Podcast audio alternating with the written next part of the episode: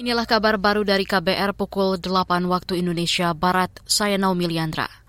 Presiden Joko Widodo meminta Pertamina meningkatkan produksi minyak blon rokan hingga 400 ribu barel per hari. Produksi saat ini mencapai 166 ribu barel per hari atau naik 10 ribu barel sejak pengelolaannya beralih dari Chevron ke Pertamina. Kata Jokowi butuh investasi besar untuk bisa mencapai target itu.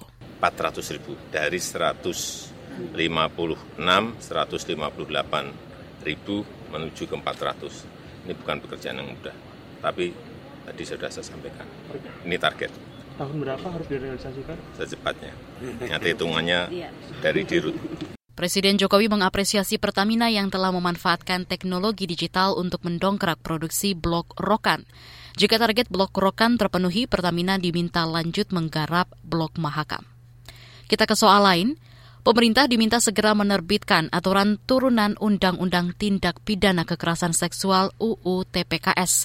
Koordinator Pelaksana Harian Asosiasi LBH Apik, Hotimun Susanti, mengatakan aturan tersebut harus dirancang dengan melibatkan masyarakat sipil. Yang paling utama adalah uh, perspektif keperpihakan kepada korban, kemudian perspektif uh, gender dan lain sebagainya itu harus ini menjadi roh roh-roh utama gitu di dalam UTPKS ini di di peraturan turunannya itu semuanya harus punya perspektif itu. Koordinator Asosiasi LBH Apik Hotimun Sutanti menambahkan aturan turunan Undang-Undang TPKS mesti mengatur tentang sistem layanan terpadu. Sistem itu untuk mengintegrasikan seluruh layanan mulai dari psikologi hingga hukum.